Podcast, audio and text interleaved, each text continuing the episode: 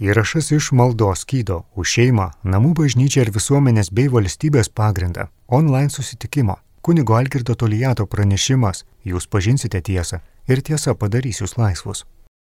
Ačiū už kvietimą, ačiū už galimybę pirmiausia melsti su jumis ir dalyvauti maldos skydę. Labai išgirdau kvietimą išlikti ištikimiem. Todėl, kad kaip kiekviena malda jinai sunkiausia malda jinai yra prieš pat jau rytą, kada žmogus yra pavargęs, kada mes pavargstam, kartais prarandam viltę. Atrodo, kad mums nebepavyks kažkas, atrodo, kad Dievas nebegirdi, kaip alyvų sode, kai Jėzus meldėsi ir mokiniai miega Dievo artume. Taip ir mums kartais atrodo, taip, na, ar Dievas girdi maldas, Aš prisiminiau iš e, konferencijos visai nesenai, kurie vyko Seime, minint e, kronikų 50 metų kronikos ir kalbėjo apie tai, kad daug buvo daroma įvairiausių akcijų, parašų rinkimų, vairiais tiklais tam, kad galima būtų vieną ar kitą kunigą apsaugot, kad jo nebūtų iškeltas, bet niekada nepavykdavo niekada nebūdavo pasiekiamas vaizdas. Ir um, vis dėlto žmonės efektas buvo tas, kad tai subūrė tikinčiuosius. Malda mūsų subūrė ir sujungė. Tai nebuvo šiaip savo veltui. Ir dėl to maldos skydas irgi lygiai taip pat, net jeigu mes ne visą laiką matom tą efektą, net jeigu ne visą laiką matom rezultatą, meltis nematant, žinot, aš papasakosiu, turbūt vienas pirmas mano homilijos, kurias reikėjo įrašyti homiliją ne auditorijai, nes paprastai homilija tai yra santykis su žmogumi, su, tu nesakai homilijos pats savo. Homilija tu, tai yra skaityti Dievo žodį ir dalintis su tikinčiaisiais.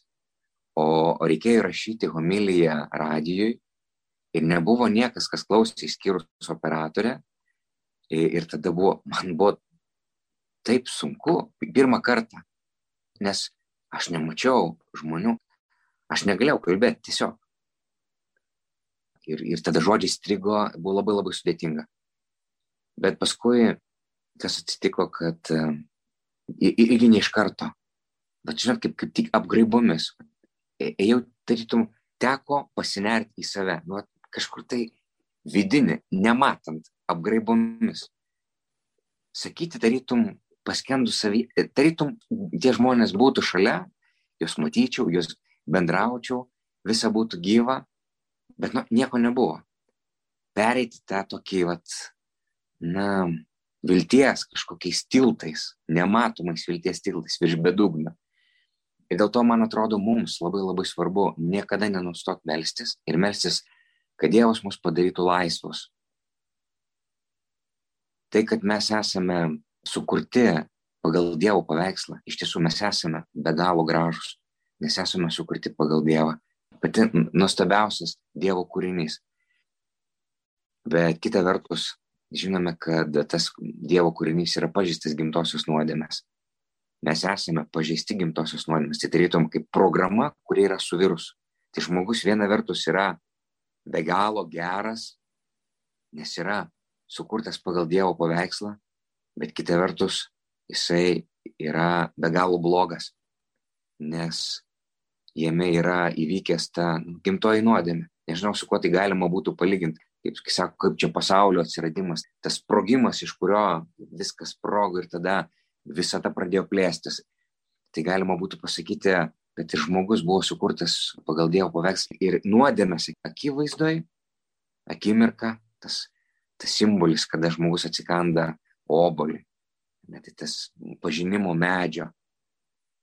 Tai aišku, tai yra simbolis, kada prasideda tolimas nuo Dievo. Žmogus pradeda tolti. Ir mes tolstame visada, visas mūsų kelias. Ir negalime grįžti prie Dievo kitaip kaip tik per Kristų. Kristus yra vienintelis kelias, tikrasis kelias, nes jisai pažįsta tėvo širdį visos mūsų pastangos, jos be abejo, kad yra geros, jos yra svarbios jos yra reikalingos, bet visos mūsų pastangos jos yra nepakankamos. Čia kaip plaukti prieš srovę. Tai yra neįmanoma. Mes negalim, mūsų jėgos per silpnos. Mūsų jėga yra Kristuje. Va tiek, kiek mes esame Kristaus. Mes galime atspindėti Dievą tiek, kiek, na, nu, aš nežinau, toks įvaizdis būtų, įsivaizduokit, mūsų akise, kai tu stovi prie žmogų ir tu matai, tol, kol mes žiūrime į Dievą, tol Dievas atsispindi mūsų akise. Bet jeigu mes tik tai nusigrėžiam ir mes galim būti krikščionis, galime praktikuoti, bet jeigu mes nebūsime atsigręžę į Dievą, tai neliks mumise Dievo atvaizdo. Dėl to tiesa, Kristaus tiesa, kuri mus daro laisvus. Ir žinot, dabar dabartinėme kontekste, kada mes matome, kas vyksta pasaulyje ir krikščioniškam pasaulyje, kada yra suabejojama visomis tomis tiesomis, kurios buvo Kristaus nuo pat pradžio. Toks įspūdis, kad pradedama abejoti net ir dešimt Dievo įsakymų. Net dešimt Dievo įsakymų atrodo, žinot, Visai nesenai turėjom parapijoje svečiuose kuniga Valdemarą Lisovskį, kuris devynis metus buvo sielovadininkas lietuvių Norvegijoje bendruomenės.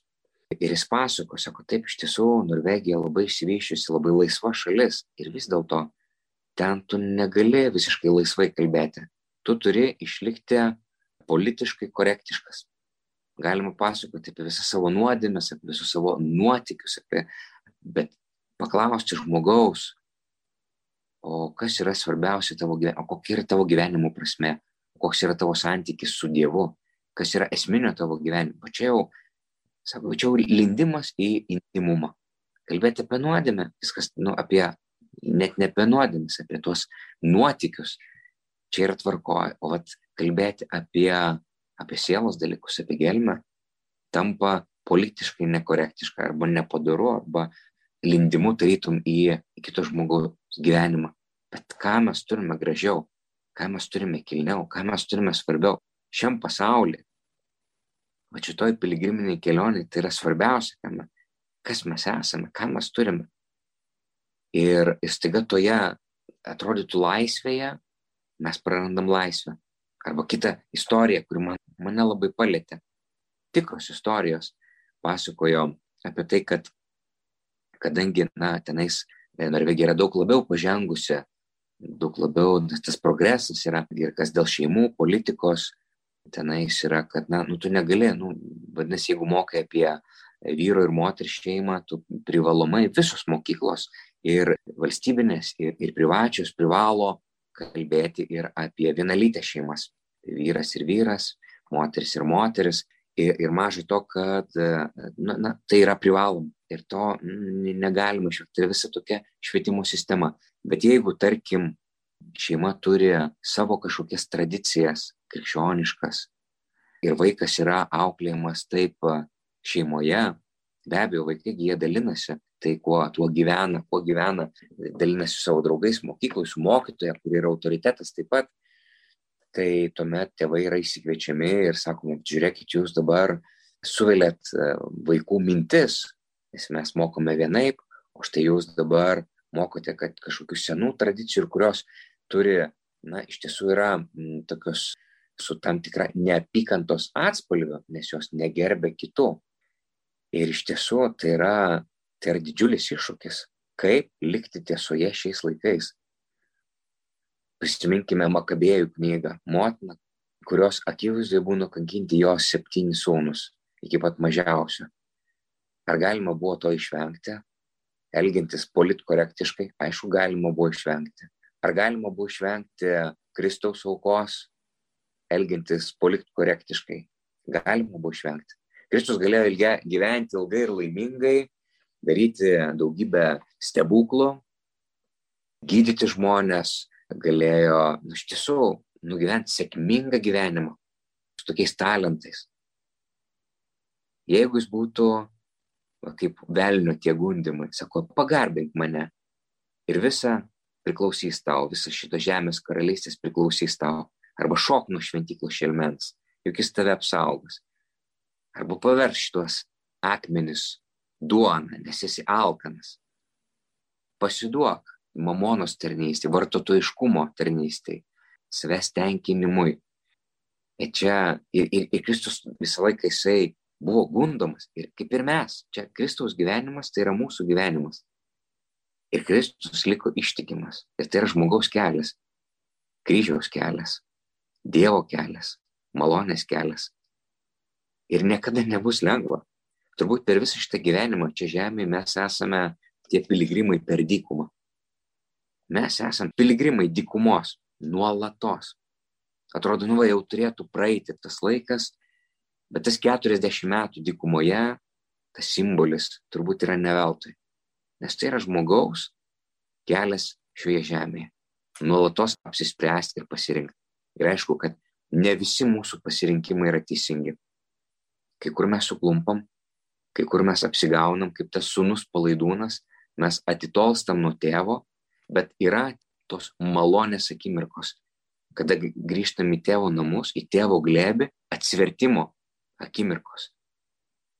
Ir tai yra ypatinga malonės vieta, dėl kurios esame šioje žemėje. Ir jeigu mes savo gyvenime, jeigu krikščionių bažnyčia, krikščioniškos bendruomenės nebesuteiktų šitos galimybės, jeigu mes nebeduotume Kristaus žmonėms, tai kam mes esame reikalingi?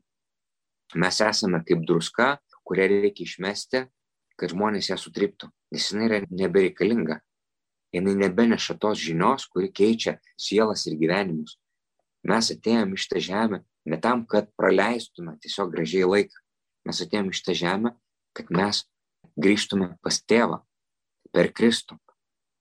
Ir kad mes pasirinktume, kad nuolatinis mūsų apsisprendimas ir pasirinkimas ir ta dilema es esame nuolatiniai kryškeliai. Kryžius tai yra dilema. Nuolatos turime rinktis. Kaip Makabėjų motina, aukodama savo septynis sūnus, kaip pirmųjų amžių krikščionis. Juk ir jie galėjo pagarbinti imperatorių ir viskas bus gerai. O tai ką, ir toliau gali eiti Eucharistiją švesti. Gi nieks netrukdė. Tik tai pagarbink čia, nu, su, su ir vieną, ir kitą. Bet problema, kad žmogus padalinta širdimi, kaip su mamona, negali turėti dviejų dievų - Dievas ir mamona. Negali turėti vartotojiškumo ir Jahves, ir Kristaus. Nes arba vieną, vienam tarnausiu, kitų niekų laikysi, arba atvirkščiai. Ir taip ir atsitinka. Mūsų vakarų civilizacija, kuri yra na, krikščioniškom vertybėm pastatyta, Ir turėtume savęs paklausti, kiek dar mumise yra Kristaus, kiek mumise yra Kristaus tiesos. Be abejo, tos bažnyčios, barokinės, didžiulės, gražios, nuostabios, išpuošta visa Europa, jūs kartais gali būti netgi klaidinančios, nes jos atrodo, kad e, čia yra Kristaus, Kristaus žemė. Bet ar tikrai, ar tikrai esame dėl Kristaus? Ar tikrai dar esame Kristaus? o gal liko tik tai mažoji kaimenė. Dabar, ar ta mažoji kaimenė, mes dabar turėtume sakyti, va, esame išrinktieji, vieninteliai patys nuostabiausiai tobulieji. Buvo ne viena sekta krikščionybei, kurie galvoja, kad va, mes esame tobuli ir savo tobulumu laimėsime Dievo malonę. Ne. Dievo malonė yra duodama veltui kiekvienam iš mūsų. Esame kaip tas sunus palaidūnas tėvo glėbyje. Iš malonės. Bet ta malonė, jinai nepalieka mūsų ten, kur mes buvome. Jinai mus keičia. Aš dabar prisimenu tą pasakojimą apie moterį nusidėlę, kurią pagavo žydai svetimaujant ir atvedė pas Kristų. Ir aišku, atvedė ne dėl to, kad jiem rūpėtų ta moteris, atvedė dėl to, kad norėjo sukirsti Kristų, apkaltinti Kristų. Tikslas buvo šis pagrindinis buvo tikslas apkaltinti Kristų. Jiem nerūpėjo ta moteris. Ir aš manau, kad ir mum, kai mes ieškom tiesos, visą laiką reikėtų paklausti, ar mums rūpi tas žmogus ir jo atsivertimas. Nes vieninteliam, kam rūpėjo ta moteris ir vienintelis sako, daug vyrų turėjo, bet vienintelis vyras, kuriam tikrai rūpėjo ta moteris, tai buvo Kristus. Vienintelis, kuris buvo tikrai nebejingas. Jam rūpėjo jos siela, sielos reikalai. Ir dėl to, pirmiausia, ją apkabinęs gailestingumu, jisai baigė savo žodžiais, sako, eik ir nebenusidėk. Ir jisai tai pasakė iš meilės jai. Ne dėl to, kad apsunkintų jos gyvenimą. Jisai, kaip tėvas gailestingas savo sūnų, davęs jam viltį, leidžia tapti Dievo malonę, Dievo gerumu, nes tai yra Euharistija. Tai ir yra Kristus. Krikščionis tai yra tapti naujoju Kristumi. Kristaus gyvenimu. Tęsti Kristaus gyvenimą čia žemėje. Ir jeigu tai nėra šitai, tai krikščionybė yra tik tai kažkokia tai etika, redukuota. Ir tai yra per mažai. Ir maža to, tai yra apgaulinga. Tai yra kartais, tai yra blogiau negu ateizmas. Kodėl? Todėl, kad ateizmas, tai jau tu žinai, tu jau nusiteiki ir supranti, kad čia Dievo nėra, nu, kaip ten apokalipsėje kalba. O sako, o kad tu būtum karštas arba šaltas, o dabar tu esi drungnas. Kai tu esi šaltas, tu supranti, kad tu esi šaltas ir tau dar reikia kaisti. Bet kai tu esi drungnas, tau atrodo, kad viskas yra tvarkoj. Ir man rodos, kad mes esame dabar tame laikmetyje, kur didžiausias pavojus tai yra drungnumas. Tu nesi blogas, nesi ateistas, liktis kaip ir viskas tvarkoj, liktis ir krikščionis, liktis ir praktikuoji, liktis viską gerai darai, bet tu esi drungnas.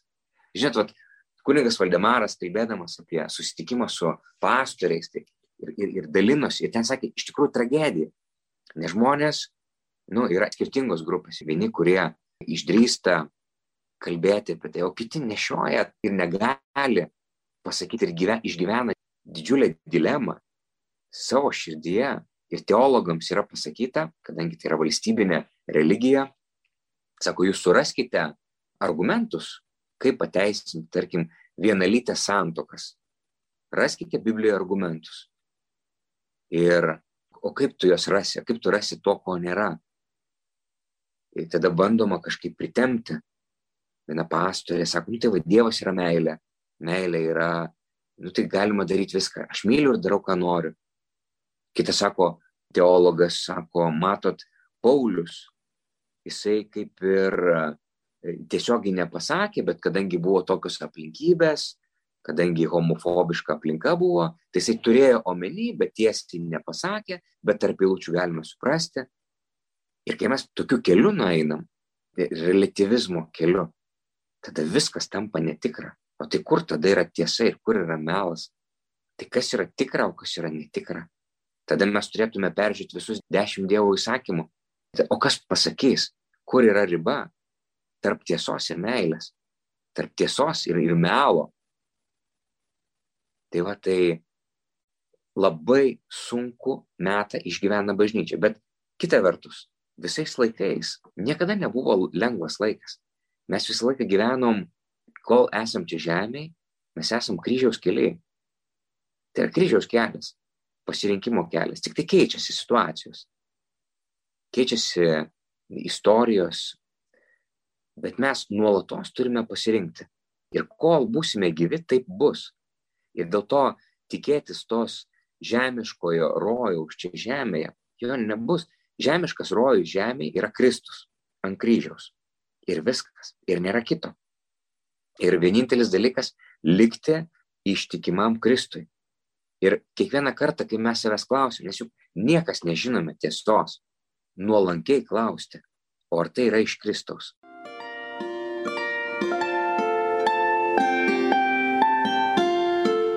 Jūs girdite Marijos radiją.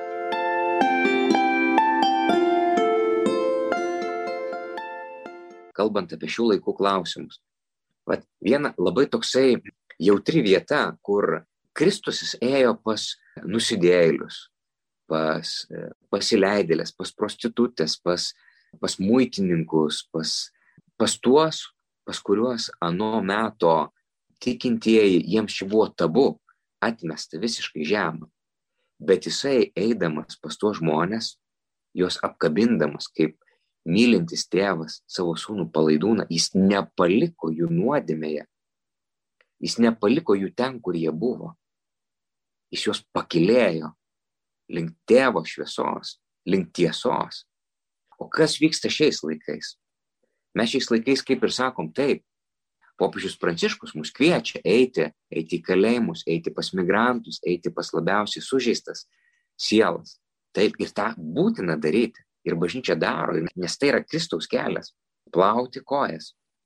Bet antros dalies mes kartais pamirštam, kad ką Kristus darė, jisai nepalikdavo žmonių nuodėmiai, jis vedė žmonės į tiesą.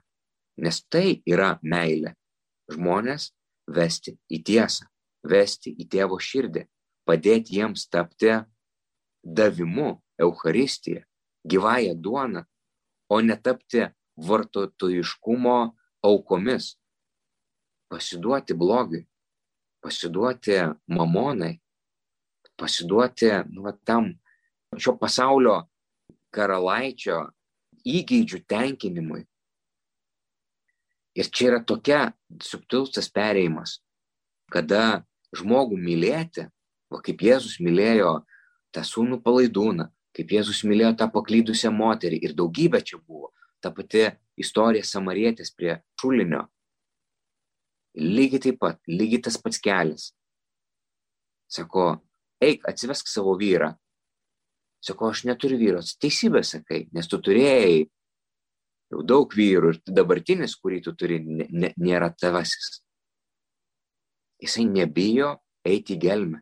Jėzus nebijo provokuoti. Bet kartu jisai tai daro ne su tikslu pasmerkti, pažeminti, bet su begalinė meilė. Su Dievo meilė. Ir čia yra mūsų kelias. Čia yra tas tiesa, kuri padarys mus laisvus. Tai yra Kristaus tiesa, ne ta smerkianti, ne ta fariziejiška. Esu nemažai susidūręs ir, ir skaitęs iš tiesų tokių labai nepagarbių tekstų, pasisakymų apie homoseksualius žmonės.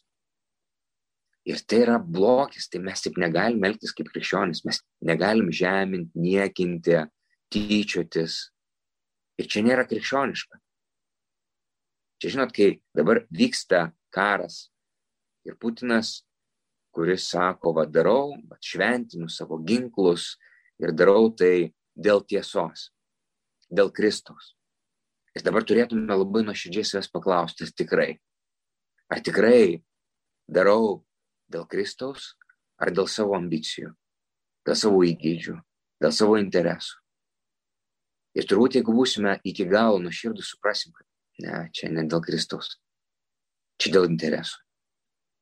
Ir visame kame, jeigu mūsų atspirties taškas būtų Kristus prie kryžiaus sutiktas, malonės vieta, o čia iš Kristaus. Ir kiekvieną klausimą, tai va turėtume persverti Kristus, vat, mūsų svarstyklės. Pasverti Kristumi. Ir nebijoti, net ir tie klausimai, su kuriais esame apsipratę. Nes iš tiesų, kas yra bažnyčioje sudėtinga, kad kaip žmogus gyvendamas, jisai užgyveno daug turto. Ir kai kuris turtas yra nebereikalingas. Jau tai yra pasenę dalykai. Turbūt kiekvienas iš mūsų savo sandėliuose turim dalykų, kurie yra nereikalingi. Ir kurios turbūt reikėtų kažkam padovanoti ar, na, man tiesiog, bet, nu, kažkaip laikom tai. Ir tas laikymas tų nereikalingų dalykų kartais sunaudoja labai daug mūsų energijos. Mes užsiemam tais reikalais, kurie valgo mūsų energiją, mes užsiminėjom antrailiais, trečiailiais, ketvirtailiais dalykais, vietoj to, kad eitume prie esmės, prie Kristaus bažnyčia, parapijos, bendruomenės dažnai paskęsta tose nu, dalykuose. Ir yra labai toks gražus posakis, sako, kas yra tradicija? Tradicija tai yra išsaugoti žarijas, o nerinkti pelenus. O dažnai taip nutinka, kad mes renkam pelenus, kraunami maišus, jau tiek turim, jau nebepanešam. Ir tai suvalgo visą mūsų laiką. Net ir dabar bažnyčioje, aš kartais savęs klausiu. Dabar vyksta tokie nu, esminiai, kertiniai pasikeitimai. Nu, pažiūrėkit, kas vyksta Norvegijoje. Kas vyksta Suomijoje su ta parlamentarė, Rasinen, su pastoriumi, kaip policija. Paskui generalinė prokuratūra perėmė kaltinimus. Metai iš metų tęsiasi dėl to, kad paklausė, ar iš tikrųjų dera mums aktyviai palaikyti gėjų paradus, kaip krikščionių bendruomeniai.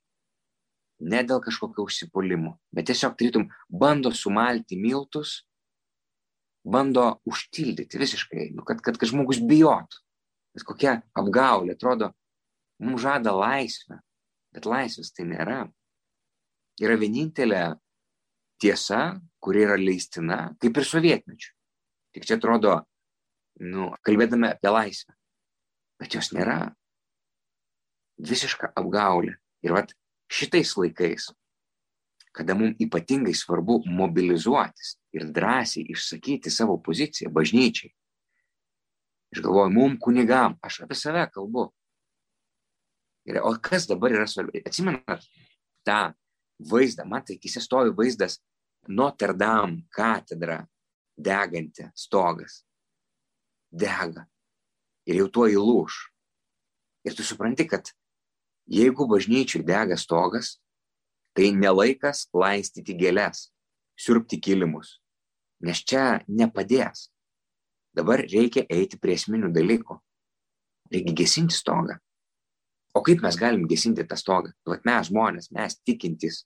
Tai pirmas dalykas, aš galvoju, maldos skydas, pasnikas, nuoširdžiai, nes mes savo jėgom neužgesinsim to stogo, bet Dievo malonės to stogo neužgesinsim. O su Dievo malonė, tai net e, degantis stogas gali tapti mūsų atsivertimo vieta, mūsų perkeitimo vieta. Bažnyčios degantis stogas gali tapti jai proga pabūsti iš miego. Čia gali tapti malonė. Dėl to malda, pasnikas, bet to irgi neužtenka. Reikia, kad, kad paskui malda taptų kūnu, kad mes įkūnintume per bendrystę, per bendruomenę. Nebijot kalbėti apie dalykus. Va tai, ką pavyzdžiui daro laikmetis portalas laikmis stengiasi su Vilutsku Tomu. Ir žinot, atrodo žmogus, kuris yra neįgalus, kaip drąsiai skelbia tiesą. Bet kiek jis turi to palaikymo? Pat iš mūsų, atrodo, katalikiškas kraštas, Marijos kraštas, Marijos žemė. Kiek turi neįgalus žmogus palaikymo, neždamas tiesos vėliavą ant vežimėlį savo? Labai nedaug kaip svarbu, kad mes dabar mobilizuotumės. Va dabar. Žinot, aš taip, aišku, reikia padaryti viską, ką galim. Bet man toks įspūdis, kad čia toks tsunamis eina. Tokia jėga šio pasaulio kunigaikščio, kad žmogus atsilaikyti čia negali, čia tik malonė gali atsilaikyti. Bet malonė, kaip ir kronikos laikais, kaip ir bažnyčios persikimo laikais. Malonė veikia net ir tuomet, kai buvo santvarka visiškai netinkama. Nelaisvės santvarka. Ir visiems galėjom veikti. Kitaip. Atrodo labai tyliai. Atrodo, nieks to balsų negirdėjo. Arba girdėjo, bet neveikė. Bet įvyko ir veikia malonė ir darė savo stebuklus. Tai vat, mums dabar yra labai svarbu nenustot melstis ir nenustot tikėti. Viltis - eiti tais avariniais vilties tiltais. Sako, tik meilė stato tiltus. Ir tai avarinius. Nes nėra jokių garantijų. Niekas mums neduos jokių garantijų. Mums tiesiog reikia eiti priekį, statyti avarinius tiltus, kiekvienas iš mūsų. Ir nesustoti. Ir tuomet tiesa mus padarys laisvus. Ir tik tuomet mes sugebėsim nesurūkti, nenuleisti rankų ir nesakyti, va, kažkas tai nekovoja, nedaro dar, va, mes esame vieni palikti. Ne. Mes nesame vieni, mes esame su Kristumi. Ir net jeigu dabar nesimato pergalės, bet Kristus jau yra laimėtojas, jis jau yra nugalėtojas. Tik dabar labai svarbu, kad tą kovą, kurią Kristus laimėjo ir mes laimėtume, kad mes neatsipalaiduotume, kad mes nueitume tą kelią, kuris mums parodė kryptį, kad ir mes jo mistinis kūnas, bažnyčia, nueitume ten, kur jau nuėjo galva. Per savo gyvenimą, per įvairiausius išbandymus. Didelius ir mažus. Skirtingo laikmečio istorijas. Ir kad mes nebijotume. Arba kita iniciatyva - krikščionių profsąjunga. Aš galvoju, nuostabi erdvė tam, kad mes galėtume, pirmas dalykas, komunikuoti, kalbėti apie tuos dalykus, apie kuriuos vakarai jau bijo kalbėti. Vakarų krikščionis bijo kalbėti apie tai. Nes su jais susidorojama, susitvarkoma, įsiveržia į mišes, triukšmaujama, nebeleidžiama, įvairiausiais būdais susidorojama. Verslininkai praranda verslus, draugus, galimybės. Man tiesiog eliminuojama yra kalbėti drąsiai. Bet tam, kad kalbėti drąsiai, reikia sukurti tą ruporą, tą galimybę. Kitas dalykas - bendrystė. Mūsų va, tų žmonių, kurie nebijo. Ir pažiūrėkite, kas vyksta. Vyksta kokie kaltinimai. Kaltina nuo vis, nuo jūs maršistai, jūs putinistai, jūs ten atsilikėliai, plokščia žemiai, jūs ten net, net prieš Kristų esate. Net prieš popiežių ir prieš visus randa toks, nu, velnės, jisai randa tokių būdų, ką, va, brolių kaltintojas. Reikia tą žinot, kad, na, velnės yra ekspertas kaltinimo ir nepasiduot. Ir nepasiduot įbauginamiems, bet atvirkščiai, dar labiau vienytis, dar labiau susiburti ir kurti tuos žydinius. Kiekvienas miestas, kiekviena parapija galėtų turėti savo žydinį, kur mes apie tuos dalykus kalbėtume, bet ne piktai kalbėtume, melstumės nuo širdžiai, prašytume Dievo malonės, atsivertimo, prašytume, kad Dievas keistų mūsų širdis ir tų žmonių širdis, kad mes atsigręžtume į Dievą, kad mes kuo labiau atspindėtume tėvo tiesą per Kristų. Melstumės, prašytume Dievo malonės, melstume šventai dvasiai, kad tiesa padarytų mus laisvus, kad mes būtume pripildyti šviesos ir džiaugsmo, šventėme šventai Pilipanerį, džiaugsmo apaštalas. Vienu metu ten dėl, dėl tokių visokių intrigų, jam buvo uždrausta mišęs aukoti. Ir ne vienas šventasis turėjo tokį išbandymą. O juk galėjo sakyti, tai kaip čia šitaip, bažnyčios viduje esam persikėjami. Bet jis nesustojo, nenustojo melstis. Ir džiaugsmo dvasia, ir sugebėjimas pasijuokti iš įvairių situacijų, nelikti tame skausme, jam padėjo eiti likti ištikimam Kristui, likti džiaugsmo paštalu su šventąją dvasia. Ir lygiai taip pat ir mes vat, turėtume kalbėti, nes kuo daugiau kalbėsim apie tai, tuo labiau mums rūpės. Jeigu mes pavargsim kalbėti, apsiprasim, nu ir tada sakysim, bet jeigu mes nepavargsim kalbėti, nepavargsim burtis ir nepavargsim vieni kitus saugoti, užauginsim tą mažąją kaimenę su Kristumi. Man atrodo, šių laikų tikslas tai vat, yra sukurti viešpaties balsą. Ir ne dėl to, kad būsime čia labai stiprus ir, ir, ir galingi savo kažkokiam jėgom ar žodžiais ten įtikinančiais, kaip sako raštas, nedaug protingų, nedaug kilmingų. Dievas veiks per mus, jeigu būsime nuolankus, jeigu sugebėsime pasijuokti, jeigu sugebėsime mobilizuotis, Jeigu kiekvienas iš mūsų, o dabar mes klausom, ne, jeigu kiekvienas iš mūsų sugebėtų du, tris žmonės patraukti ir pasakyti, gerai, tai prisijung. Ir tu prie maldos prisijung. Jungiamės. Nebūtinai tapti net ir nariu krikščioniškos profsąjungos, tiesiog palaikytų bičiuliu. Nes man svarbu, nes aš matau, kad bažnyčios stogas dega ir man skauda dėl to širdį. Ir aš dabar nepulsiu daryti kažkokių ten kitų dalykų, nu, tokių kaip ten kasdieniais rūpeščiais neužsimsiu, nes dabar yra svarbiausius dalykus paversti svarbiausiais. Bažnyčia nutolo nuo Kristaus. Na nu, nu, kaip nutolo? Tiesiog ne tai, kad nutolo, bet pas, mes paskendom geruose dalykuose, kaip ten gerais norais pragaras grįstas.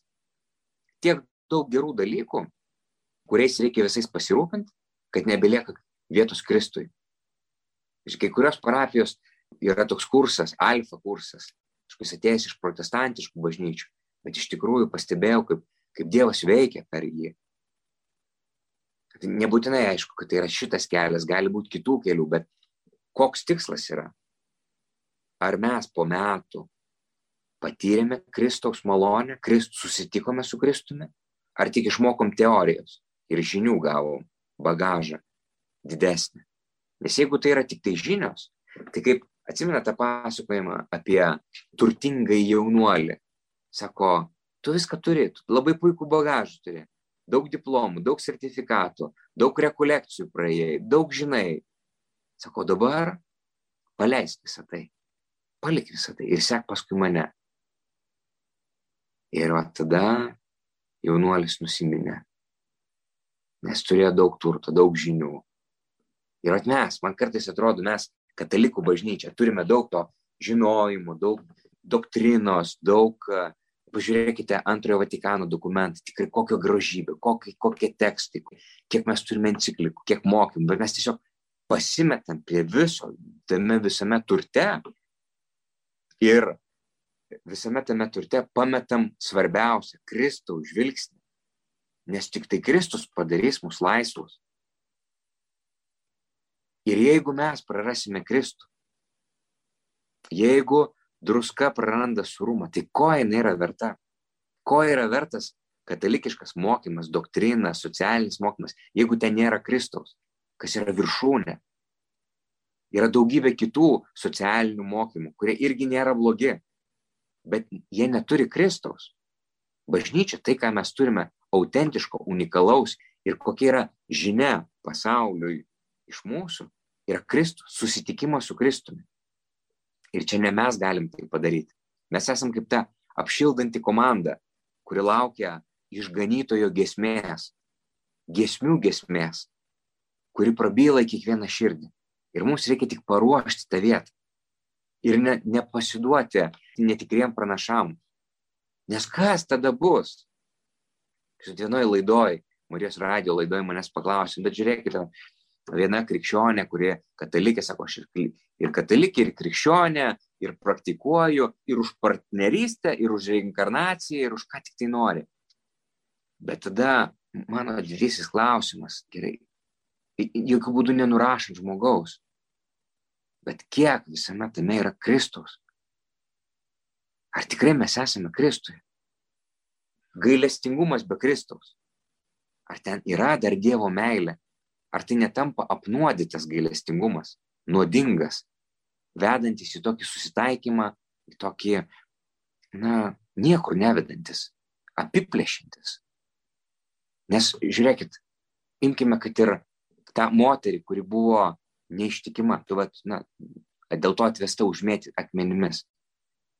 Dabar jeigu mes paimtume neištikimybę ir tas nuo Kristaus laikų žmogus yra pažeidžiamas, Yra daugybė šeimų, kurios kenčia nuo neištikimybės. Ir tai yra realija. Bet jeigu mes dabar šitą realiją paverstume normą, įstatymą ir sakytume, žiūrėkite, juk ir meilužių teisės reikia apsaugoti. Apsaugokime ir meilužių teisės. Nes o kodėl? Ir viena mylima, ir kita mylima. Tai kodėl nelygios yra galimybės? Atrodytų, dėl gailestingumo mes tai padarytume. Bet tai kas atsitiktų su šeima? Ar tai sustiprintų šį, ar tai būtų pagal Kristų? Aišku, žmogus ir, ir paklysta, ir suklumpa, ir keliasi, kartais pavyksta, kartais nepavyksta. Bet kol mes ieškome Kristaus, meldžiam ir prašom ir atgailaujam, mes dar esame tame dykumos kelyje. Esam keli su Kristumi. Ir gyvenimas ir mirtis. O štai kas yra Euharistija. O štai kas yra ta malonė, kurios mes patys negalim pasiimti. Čia yra dovana. Tai yra maldos skydas. Va, dėl to mes esame pašaukti. Jauni, seni, loši, sveiki, nesvarbu kokį. Kristus gali prie kiekvieną veikti. Ir laikmetis tai yra pavyzdys. Laikmetis, portalas. Laikmetis tai yra pavyzdys. Tai palaikykime laikmetį. Palaikykime krikščioniškas profsąjungas. Ne dėl kažkokios idėjos, bet sukurkime, kad tai taptų tas meilės žydinys, kad tai taptų tiesos žydinys, kad mes nebijotume, kad mes taptume naująją kroniką Šiaurės Europai, Rytų Europai ir pasauliui, kad mes nebijotume kalbėti apie Kristaus dalykus ir nesigėdintume ir nebandytume pritempinėti švento rašto, pritaikyti. Be abejo, kad kai kurie dalykai jie keičiasi. Be abejo, kad kai kurios dalykus reikia atsinaujinti ir bažnyčia, jinai turi atsinaujinti, turi paleisti tuos pelų maišus, bet yra dalykai esminiai. Ir jeigu mes čia neliksim, nebusim ištikimi, tai mes prarasime viską. Čia baisiausia, kas gali nutikti. Viešpai, šventoji dvasia, apsaugok mus nuo nuodėmės, apsaugok mus nuo pragaro, apsaugok mus nuo atitolimo nuo tavęs, dėl kažkokių tai trumpalaikių dalykų, dėl pasaulio karalaičio pagundų ir, ir vilionių, padėk mums nepasiduoti. O jeigu mums jau būtų taip nutikę, kad mes tarnautume ir nesvarbu, kas būtume - kunigai, politikai, žurnalistai, kas mes bebūtume, jeigu taip nutikę būtume ir jaučiam, kad nebe tau tarnaujam, padėk mums grįžti į tiesos kelią, meldžiam tave šventoji dvasia, nes tau viskas yra įmanoma. Tu palėtėjai muitininko širdį ir jisai viską išdalino ir nusekė paskui Kristų. Ir mes taip galime tavo malonės vedami. Meldžiam, kad maldos kydas nepraskystų, bet atliktų savo misiją, kad ir toliau, nesvarbu, kad baigėsi šeimos metai, tai tikėkime, kad nesibaigs šeima drauge su šeimos metais. Ir kad mes būsime ta maldo šeima. Ir kad mes ir toliau eisime tuo keliu. Ir kad mes kiekvienas iš mūsų atvesime dar 2, 3, 4, 5 žmonės. Nepasitenkinsim, kad sėdim vienas prie ekranų. Kad mes degsime tą ugnimi, šventosios dvasios, su tavo malonė. Meldžiam tave Dievą, Padėk mums, nesvarbu, kokie mes būtume intravertai, padėk mums iš meilės eiti ir paliesti širdis, kiekvienam pagal savo dovanas. Meldžiam tave, šventoji dvasia. Tau nėra neįmanomų dalykų. Ir kuo blogiau, tuo geriau. Labiausiai veikiai per tuos 50 metų komunizmo, kada negalim buvo šnekėti žmonės, patys drąsiausi buvo. Bažnyčiai, visko ten buvo irgi, buvo ir išdavyščių, buvo visko. Bet žmonės buvo drąsūs taip pat, buvo drąsos dvasia, duok mums, atsiūsk mums išminties dvasia, drąsos dvasia, stiprybės dvasia ir šiems laikams, kad mes nebijotume, kad mes jungtumės, kad mes ieškotume ir atlieptume į tą misiją, kurią nori mums duoti. Amen. Girdėjote įrašą iš maldos kydo už šeimą namų bažnyčią ir visuomenės bei valstybės pagrindą online susitikimo Kunigo Algirdo Tolijato pranešimą jūs pažinsite tiesą ir tiesa padarys jūs laisvus.